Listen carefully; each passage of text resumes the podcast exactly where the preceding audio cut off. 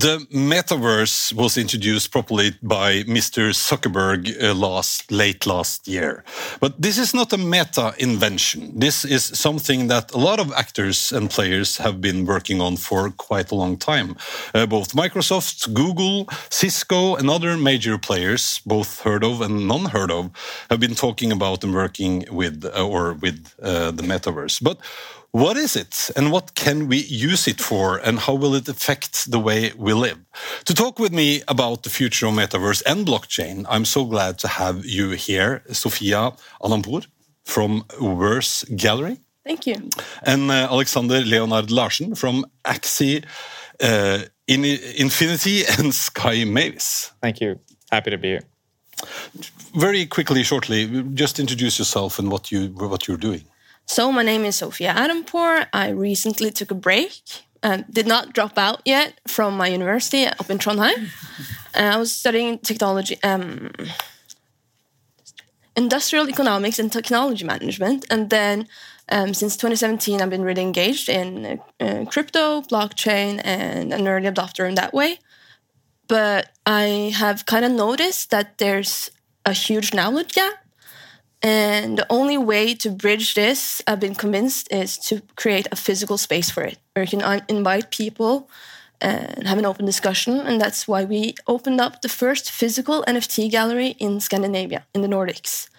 Um, and we actually called it Verse before Facebook announced that they, they changed their name to Meta so that was kind of cool. That's kind of cool. Yeah, yeah, yeah that cool. was. Thank you. And we'll get back to to uh, especially NFTs because that's an important part of what we're talking about. But uh, thank you, Alexander. Sure. Yeah. So I'm Alexander, one of the co-founders of Sky Mavis and Axie Infinity, and uh, over the past four years, we've been building, I would say, a, a blockchain game studio uh, where right now uh, the so far you know our nft collection has been traded over four billion dollars worth in value. So it's like the, the, the largest nft collection all time. Um, a little bit over 120 people in the company. Um, and yeah i do a little bit of you know everything. I'm basically the business head. You're the business yeah, I mean, just I, I, I like the janitorial services. You know, pretty much yeah, everything. Yeah, yeah. A little bit of what's what, what needs to be done. Yeah, exactly. Yeah, yeah. the gap between CEO and janitor is quite small and stuff. Along, along, those lines. I know, I know. Uh, but but uh, back to you, Sofia. If we start with the metaverse, we'll start with the kind of big chunk. How would you define them? What is the metaverse? Mm, the metaverse is the digital everyday life we're moving. We're slowly but steadily moving into. Um, my mom is on her phone six hours during a week. I'm on my phone six hours during a day. And I can already see that my nephew is on his phone nine hours a day and on his computer for three more hours. And so we're kind of convinced that the society is moving that way. Yeah into the digital space, In, into yeah. the virtual space. But but are there any kind of uh, uh, other uh, oh what do you call that uh, needs to have in place to be able to call it a metaverse? It's not only kind of virtual reality.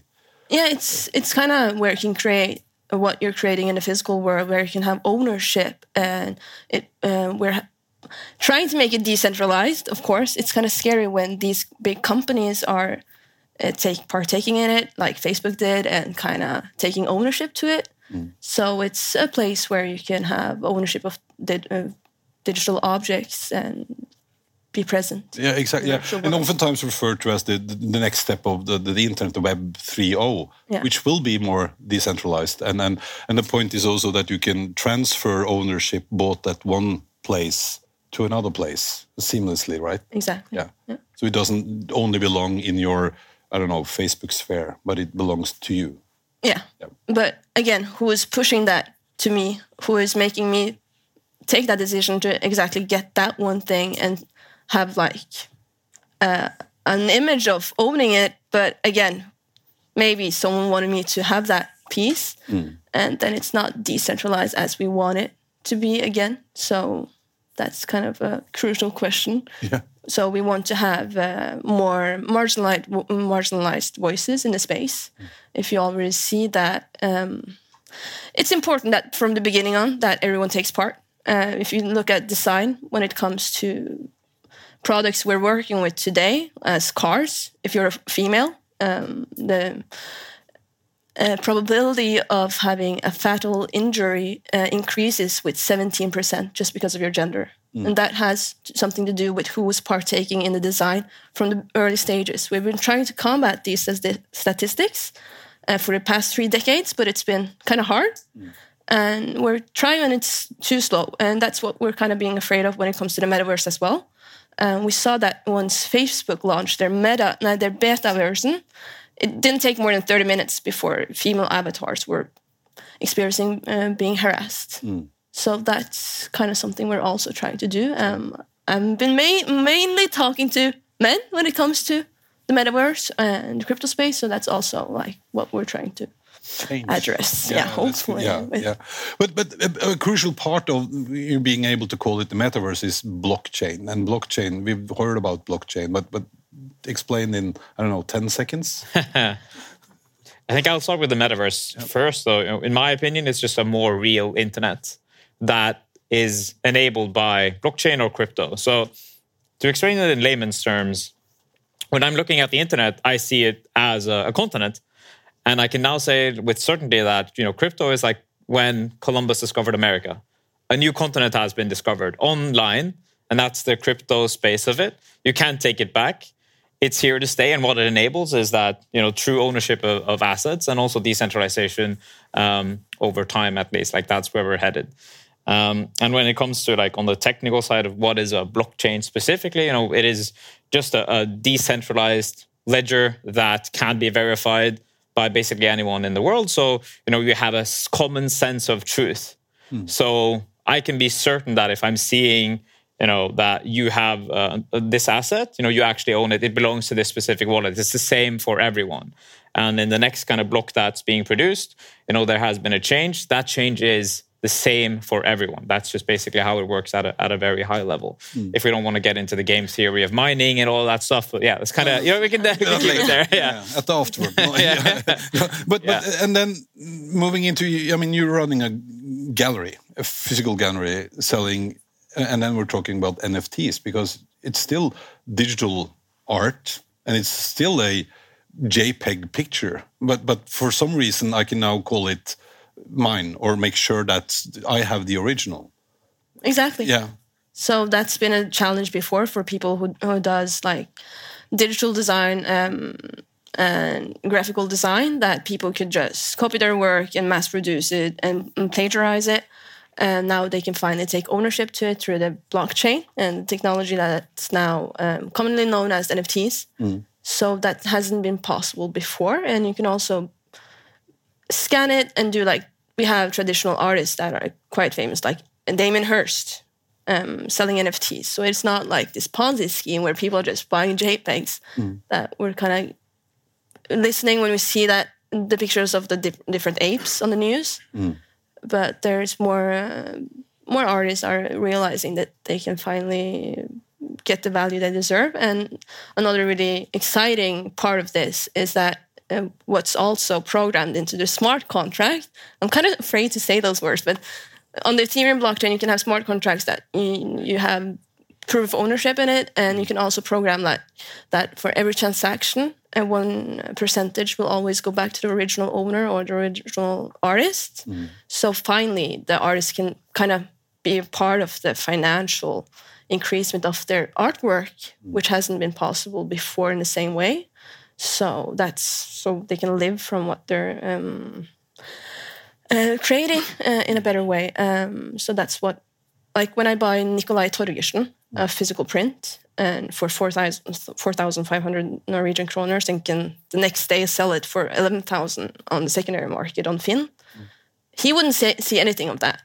But now with the blockchain, it's already it's it can be programmed, and then a small transaction will also uh, percentage will also go back to the original digital wallet. That- yeah, that's kind of that. Yeah, yeah, created it. Are, are there any other uses? Because now the focus has been very much on, on artists and artwork, but are there any other uses? Tons. Like we're having all of these huge companies like Samsung They're buying plots in a metaverse. They're in Decentraland Sandbox, which we also have some Norwegian people in, which is really cool. Um, and not sponsored by them, but um, Sam, uh, Samsung is a part of it. Um, we're seeing that all of these uh, clothing designers, uh, Balenciaga, Dolce Gabbana, they're seeing that okay, people are actually spending money on digital objects, like I did when I was young. I would go to this kiosk on the corner in Narvesen and buy something we call for Habbo Cash, Habbo coins. And I would pay like 50 Norwegians, and I would get this card, and I would go home and plot it in, and then I would buy stuff online now we can do that with NFTs mm. and cryptocurrency that we kind of create, which is really fun. Yeah, yeah. yeah. I think uh, I would just like very simply say that an NFT is a unique digital asset mm. that can represent many, many different things. Art is one use case. Game assets, like we use our axes for, is another use case. I think a lot of people are skeptical about NFTs because they don't understand. Uh, they they don't see the utility of it so for game assets, it's very simple. I use this very frequently. I say, you know, if you have a game asset in your wallet, that is an access pass to actually play the game. You know, very clear. If you sell it, you know, you can't play the game. Super clear. For art, it's actually a little bit less clear. So, okay, if I have a Bored Ape or whatever else that might be in my wallet, it's hard for me to actually prove it to other people that's at least what some people might think. But in reality, you can just show people a certain thing on your wallet or on your mobile phone, and that then can give you access, or basically that proves that you own this specific asset. Mm-hmm. And that again will give you potentially access to, let's say, a, a, um, a, a gallery, right? That verse. So assuming that I okay, they have an exclusive vernissage for only like specific NFT owners. If I come there, I show them my wallet. You know, hey, I get in. Like these are particular use cases that it's very easy to, to, to understand. But when you're looking at the future of NFTs and of blockchain, like I don't see why uh, the the the uh, for example the registry of houses in Norway, for example, shouldn't be traded in. Like those houses can be NFTs. Those plots of land should be NFTs. Yeah. It's just much more efficient. Like and the provenance can always be tracked to the where the issuer started. So it's always very easy to, to see like who is the main issuer of these assets. Mm. That's why you cannot ever fake uh, an art NFT. So when I'm looking at like if I'm an artist, I'm issuing my NFT from my specific wallet, people can always see, you know, this is the real version because I'm the main issuer. Mm. I think that's very powerful and something that we haven't been able to like address in the in the art market before, which now is actually being, you know, fully solved. Mm, mm. But but I mean, for, for other cases, now we're talking about metaverse opening. We're moving into the metaverse, and, and obviously we're not going there just to to buy art and play games. We, we are going to live our lives there. We we've talked about the guy earlier today uh, working on psychology and, and doing that in virtual reality. That could be kind of something you you visit your uh, physicist or your whatever uh, in the metaverse. Uh, how would that? I mean, how where are we going? What are you what are your wishes for the future of the metaverse? I think people are overestimating the the the value of uh, like virtual reality. Basically it's not about the interface that you are viewing the metaverse or actually metaverse is just another definition of internet like a more immersive real internet. And if you're looking through the internet through the veil of a uh, well, what can I call it, a, a, an Oculus Rift or whatever else that may, might be, that means that you have like somewhat of a more immersive experience. But the underlying technological kind of framework that it's built on, basically the fact that it's uh, on a common blockchain, such as Ethereum, for example, means that everyone is sharing the same state or the same server. So time is always progressing. That means that if you, I'm to, like explaining this in game terms, if you have a massive multiplayer online game, like that's actually what's happening uh, in the in the metaverse, right? Because uh, if it happens one place in the world, you know, on the on the server, it will happen everywhere else simultaneously. The impact that you have on one place will have the same impact, or will have another. Uh, the, the consequences can can be shown another place. Mm-hmm. So I think that's you know the the ownership is basically the, the key here mm-hmm. to the metaverse, basically. not not the the like how you're rep- like seeing it necessarily. No, no. Yeah, basically getting rid of the middleman that people have been talking mm. about a lot. Like if you have a labeled company, why should they? Now you can just interact with your fans through an NFT collection instead of having a middleman representing you and saying what they will get. You can kind of, that's why Universal Music now has borrowed four apes and they're gonna do like a music experiment through those and mm. like sell music through them. Mm. And then it's gonna be uh, directly. Like Nas also did a release of his song, where if you buy his NFT outside of any label, you will also receive royalties. Like, what? Why should Spotify get them if you're the one who's consuming it and the artist is what the one creating it? And that's what we're seeing happening for more people. Like, kind of with artists now, and we're seeing music and NFTs are getting bigger. And as you mentioned, the housing market, buy an NFT of uh, the commercial no, of the of the place, and then once it's open and bought, you will get the documents that shows the ownership. It will kind of open that, and yeah, so it's Yeah, because this the- is about the real world, right? yeah, Yeah, because you have something called the, the, second world, or so you can uh, buy artificial, you know, land Mm-hmm. that you own in the digital world, but you don't really own it. Uh, This is what we're talking about now is for the real world. yeah, for the real world. In the metaverse, you would probably like. We saw how easy, oh, like how fast we need to adopt to the digital um, platforms once COVID happened, the pandemic ha- panda- pandemic happened. All all of a sudden, my teachers that couldn't like send the power, PowerPoint properly without being like, oh, oops, I sent this to everyone. I was supposed to send this to one person. All of a sudden, they knew how to open up a Zoom class and interact super easily. So it's kind of like they were really early there with predicting that. But how are people reacting when you open this studio or, or, or gallery? Yeah, um, how, how, how did people react to that? it's really i'm really grateful for having because what's important for me with my background not having parents that knew about the internet bubble when that happened in the 90s and not being able to partake in that i'm finally able able to like have a space where people can come in and ask questions and kind of be informed about something that they wouldn't necessarily be informed about in, unless you are in the right circles. Those who are usually the early adapters if you're a huge investor have the risk capital.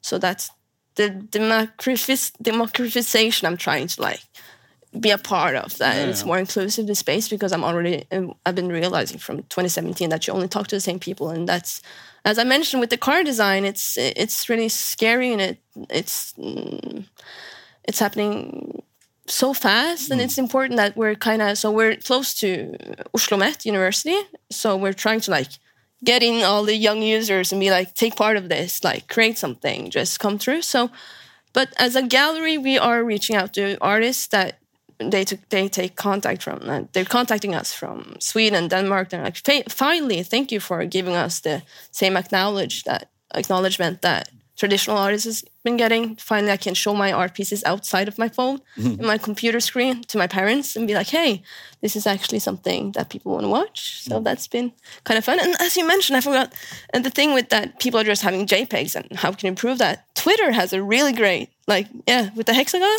so now you, if you go to twitter and if you see someone who has like a, a hexagon picture You know who to rage on. yeah Just kidding. A lot of there's a lot of hate for NFTs, and I think maybe it could address that too, like related to the, you know we actually talked about it on the back room in terms of the the uh, well the the the climate, you know the the Oh, fact yeah. that people are you know claiming that you know NFTs are destroying the world.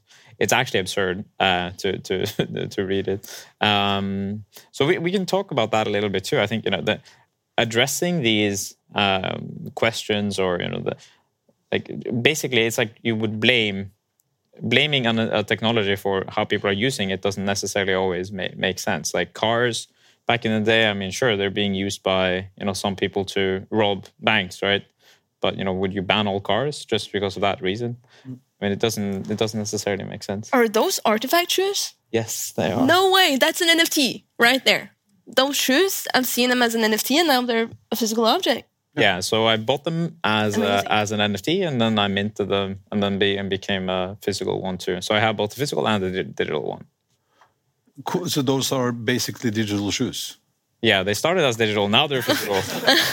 but the like actually the reason saw why them. No the reason I'm wearing them right now is obviously because as kind of a, it's it's a fun thing to to do when I'm here. You know, some people recognize it. Uh, maybe the, the first one here today. Uh, but but you know the the the, the point is for me, I I I uh, think the the uh, like the the real or the original for me is the digital one. That's why I don't really mind you know wearing them right now, even though as an investment, it's probably a really bad idea to to to wear them right now. I can take them to Iran and ask for an exact copy and they will create one, but I can't get an exact copy of your digital one because it's on the blockchain and it's signed and it's that the number you have. So, yeah, and this is interesting because it's as as you said, this is not about just. I mean, artists can now make sure that they get paid for their work. You, you mentioned uh, uh, designers, graphical designers, uh, and, and obviously shoe and clothes designers. Are there other kind of aspects, architects? I'm, I'm just thinking out loud. Where are we going with this? Of course, architects. They're gonna. I think everything would be represented as an NFT in, in, the future. I mean, right now we just see the very early stages of experimentation. Mm. You know, it makes sense for game assets, as I said, for art, sure. Mm.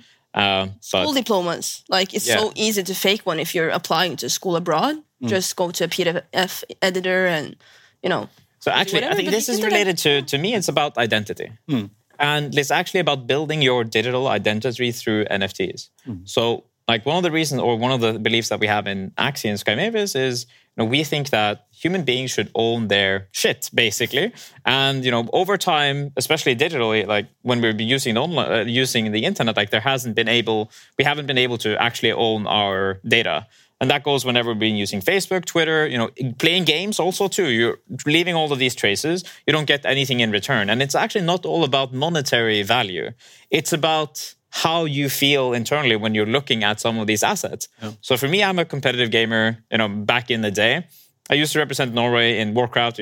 Some people might know what it is, but and it doesn't really matter uh, to, to most people in the world. But to me, it has a lot of meaning hmm. because it is my identity. And when I'm looking back at that, I don't have anything to actually prove it. If I want to, I can Google my nickname and my name, and then I can find a random like page on the Russian website, you know, says like Norway beating Sweden or whatever but that's going to disappear into the dredges of the internet and like I, people don't know that it actually happened so i actually truly believe that everything that we do online you should have some kind of nft that you should own in your wallet and over time that will then begin to form your digital identity. And you can have different identities as well like pseudo anonymous which is incredibly powerful. So now now we're talking about the future in terms of like what does it mean to to actually uh, be able to show other people that you have let's say that i don't want people to know that i have these you know very expensive shoes theoretically but i want people to see to to to uh, to, to let me in at the verse gallery. So you know i can show them just another just a just a like a piece of code and then that will prove that I have it in another wallet mm. without everyone else being able to see that. Like this is zero knowledge. Yeah. Anyway, it's it's it's. Uh, That's what people are doing. I, I, was at NFT NYC, which is one of the largest NFT conferences in the world in New York. So by owning like a Bored Ape or I was having a mutant ape, I had to go to this place, show my digital, uh, my MetaMask, where I have my NFTs, my digital wallet, and see, hey, I own this ape. And then they would give me a bond, an access bond, and then I would go on to a private boat they had rented for people who own that NFT to like meet up. World of Women is another collection that we're having a brunch. You would get three course meal for free drinks included on the best part of Manhattan just by opening the NFT, where you got to meet other entrepreneurs to like connect and network. So that's what you're kind of creating with a collection. It's a different way to also pitch in an idea and be like, "Yo, do, um, hey, do, do, you believe?" they're like social clubs, actually. Elitist yeah. social clubs. Many of these, you know, profile picture projects, as they're as they're actually called, right? So you issue ten thousand of them, and the people who are buying them, they identify with them. Um, some don't identify with them and they sell them. Personally like i actually minted 20 Bored Apes during the day which is now one of the most you know famous collections probably but i sold them all uh, quite early because i didn't identify with it. For me it was just like okay cool. Then again like it got adopted by the people of the internet that maybe i don't identify with so i wanted to sell it. And then i would rather buy more geeky stuff that i you know think potentially is better for me personally. Mm. i think that's actually about identity. Once again like what do you want to identify yourself with and what, what, what do you have in your wallet Exactly. So, so, this is also kind of, as you said, creating your or or improving your identity online, making it easier for us to kind of build trust again uh, yeah. within the digital space. Exactly, right? Because in a world where everything is fake, you can't trust anything that you read. Basically, this is the source of truth for everything. Mm. It's impossible to fake it. So I think everything will go on the blockchain sooner or later. The real problem here is how do we like go from the real world to the physical world because that's a, basically an oracle problem where you can say that okay so who's defining what is real uh, from the real life until the digital one so you might need an issuer and that's also like the the when you're looking at artists right they are the issuer so they are the source of truth from the real world mm. that's the, then the the like stored into a wallet, and then you kind of have a, a digital identity from there. What will happen is what happens if that wallet is stolen, for example, or you lose your private keys, or you know, all of these problems that you know have yet to be answered. But you know, it's still a, a very early stages here. Mm-hmm. But and I, I liked the kind of your description of, of the metaverse being a more real internet, uh, and and where you know the, the the the the difference between digital assets and physical assets are kind of fading away in a way uh, and nfts will help us kind of build that trust and ownership and proof of ownership and and also your identity. Yeah. If if we i mean we're running out of time but but if there's one thing that people should try in i mean in this space right now what would you recommend them to do? Other than coming visiting your uh, of course. uh, try to search up web 3 and what it is. Web 1 was where you could just read off the screen. Web 2 is where you interacted with it. Web 3 is now where you can take ownership and try to talk with some of the younger generations. I was talking i was talking with the global managing director of christie's the one who created beeple um, who created uh, everyday's 5000 mm. and that a piece of NFT with 5,000 images, graphically made, so yeah, um, digitally made, uh, was sold for 69 million dollars. And I was like, "Hey, Marcus, why? What made you take that step? Like, you're the first one to get one of the biggest auction houses to auction off an NFT. What were you thinking about? Like, how did you manage to convince people about this?" And he was like, "Honestly, I've just." During the pandemic, I was hanging a lot with my children. and I just saw that, you know, they were asking for bucks during the weekends instead of candy or gifts. They're saying, oh, I want some bucks to use in Roblox. So that's kind of, he was like, I just realized that the potential is so big and it's only the beginning. And whether you like it or not. So that was one of his. So, so search up more, learn more about the web. Web three, yeah, yeah. yeah. Um, Sparebank1, um, Finanstilsynet, Finansrådet, they were all at Verse Gallery, and all of these older people, they were like, "I'm gonna be honest, I don't know anything about this. I this is one of the rooms I've been in where I, I feel like I don't know. Uh, I'm not one of the people who knows the most." It's kind of scary, but I see some potential. But I will go and search up. I, I will go and do some research now. So that was really rewarding. That cool. Yeah, yeah, yeah. So, so a place to learn more about Web three always to visiting your gallery. Of course, um, search up if World of Women is a great to have like a Discord and you can go learn like a crash course in Web three and NFTs. Um, it's all like I've been using YouTube. I've been using internet. It's not in. It's not a course you can take, but people are really open minded. That's that's the best part about the NFT community. How loving they are and how we say like GM on Twitter each morning, just saying good morning to a random person because you want them to have a good day. GM. Yeah. yeah Your advice. Yeah, I, I would say like don't be afraid of jumping down the rabbit hole because it truly is. Uh, and the more you learn about this stuff, because uh, uh, everyone comes into it and they're like very skeptical. Okay, so blockchain, well, Bitcoin, you know, that's a scam, obviously. that's kind of always the first thing that you, you think. And then you start realizing what it is actually about. Like for me, it's about freedom, freedom of choice, freedom of ownership. Um, and, and I would say, yeah, just start educating yourself on the, the potential of this new technology and what, like where we are basically uh, right now It's still very early because it's hard to use it. And you know, whenever something is hard to use, um, but people still do it, that means that there is an opportunity. So for entrepreneurs out there who are considering like doing something, you know, consider that. Like, oh, whenever you're going to give up, well, you know, why does it make sense that why are people doing this? Well, obviously there is value here. If they if there wasn't, like nobody else would be doing it. And stop for God's sake, like trying to to to tell that to, to say that things are scams just because people are buying it for a lot of money.